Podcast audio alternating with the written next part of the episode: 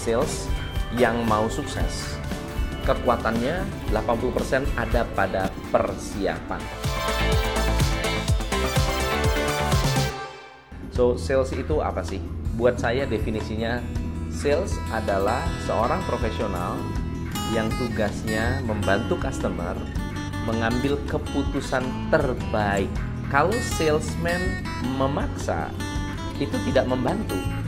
Ya. Kalau salesman tidak punya knowledge, itu tidak membantu.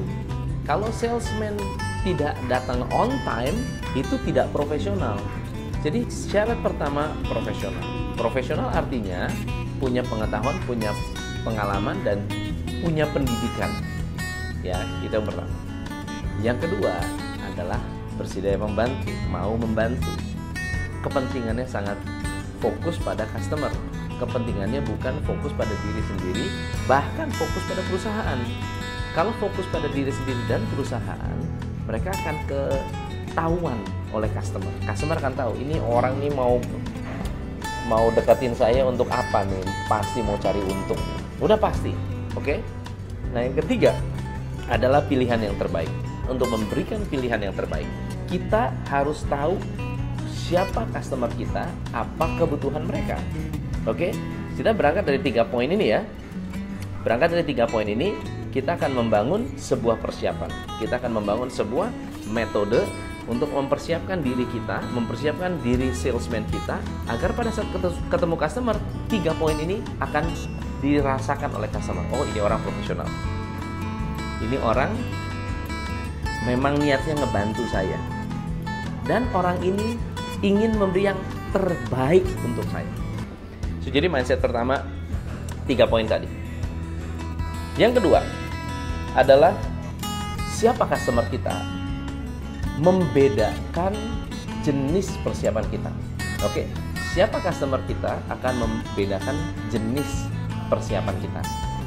Kalau customer kita adalah ibu rumah tangga, customer kita orangnya sibuk, customer kita orangnya harus cepat, maka persiapan kita akan sangat berbeda dengan customer-customer yang sifatnya mau membeli sesuatu untuk jangka panjang.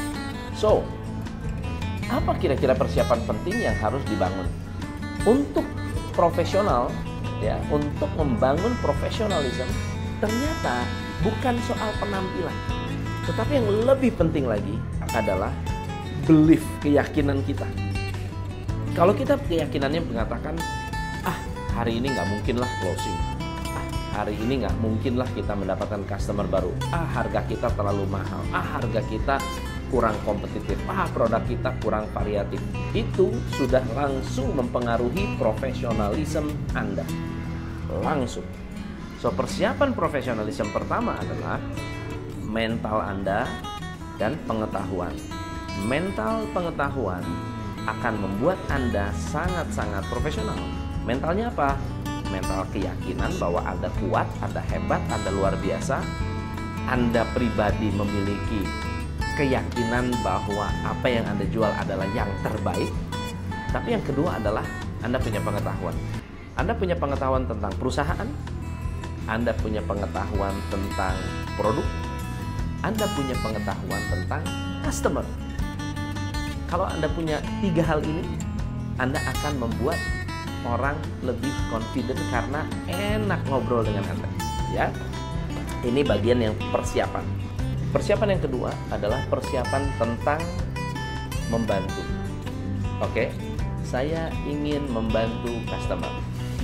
So, gimana cara ngebantu customer? Kita perlu mengerti siapa customer kita apa teknik membantu paling canggih yang harus dimiliki oleh salesman yaitu bertanya. Pertanyaan adalah teknik yang sangat powerful untuk membantu customer memutuskan yang terbaik.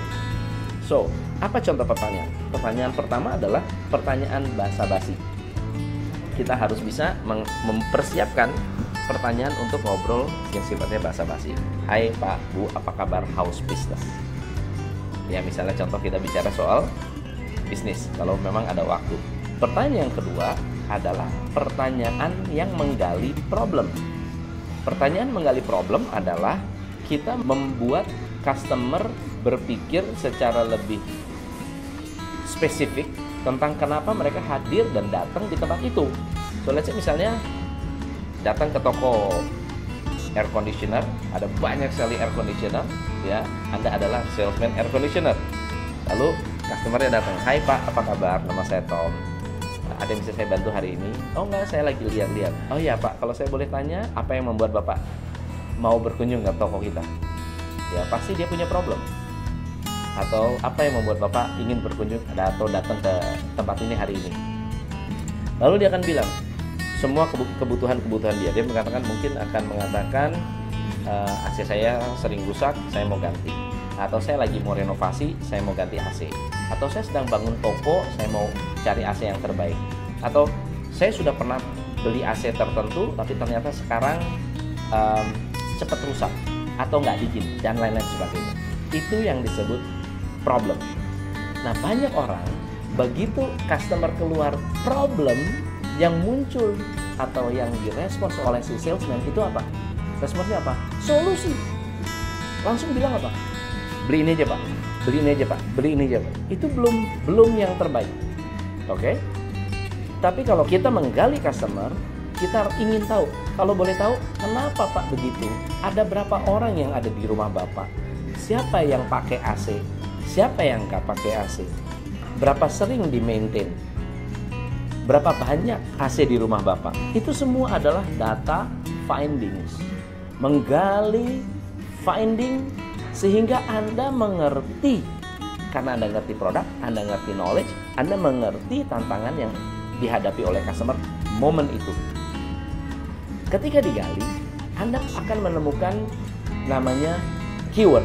Keyword adalah kata kunci keyword artinya apa? Apa hal-hal penting yang yang penting banget buat customer?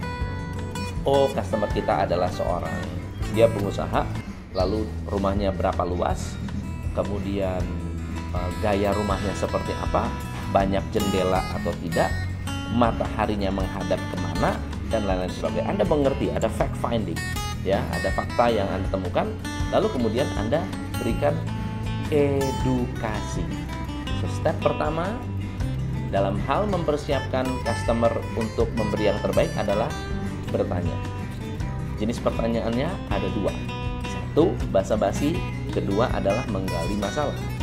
Nah, step yang ketiga, supaya bisa memberikan yang terbaik adalah Anda harus mengedukasi. Mengedukasi customer tentang apa itu AC, bagaimana AC itu bisa dingin, dan bagaimana cara merawat sebuah AC dari sana, customer akan mengetahui ternyata selama ini saya salah. Ternyata selama ini saya kurang. Ternyata selama ini saya kurang tepat dalam merawat AC saya dan lain-lain sebagainya. Dengan begitu, kita bisa memberikan opsi kepada customer. Pak, Bu, karena AC itu sangat penting untuk dirawat, maka ini ada opsi. Opsi pertama, opsi kedua, dan opsi ketiga. Opsi pertama adalah AC yang begini. Nah, opsi kedua adalah AC begini. Opsi yang ketiga AC yang seperti ini. Minta customer mengambil keputusan yang terbaik. So, karena dia sudah ditanya, dia sudah digali, dia ditanya oleh orang yang profesional, dia bisa mengambil sebuah keputusan yang terbaik. Nah, persiapan ini belum selesai karena Anda butuh teknik baru, teknik lain yang namanya closing technique. Persiapan adalah bagian pertama dalam membangun relationship yang baik dengan customer. Hanya di Coach Indonesia.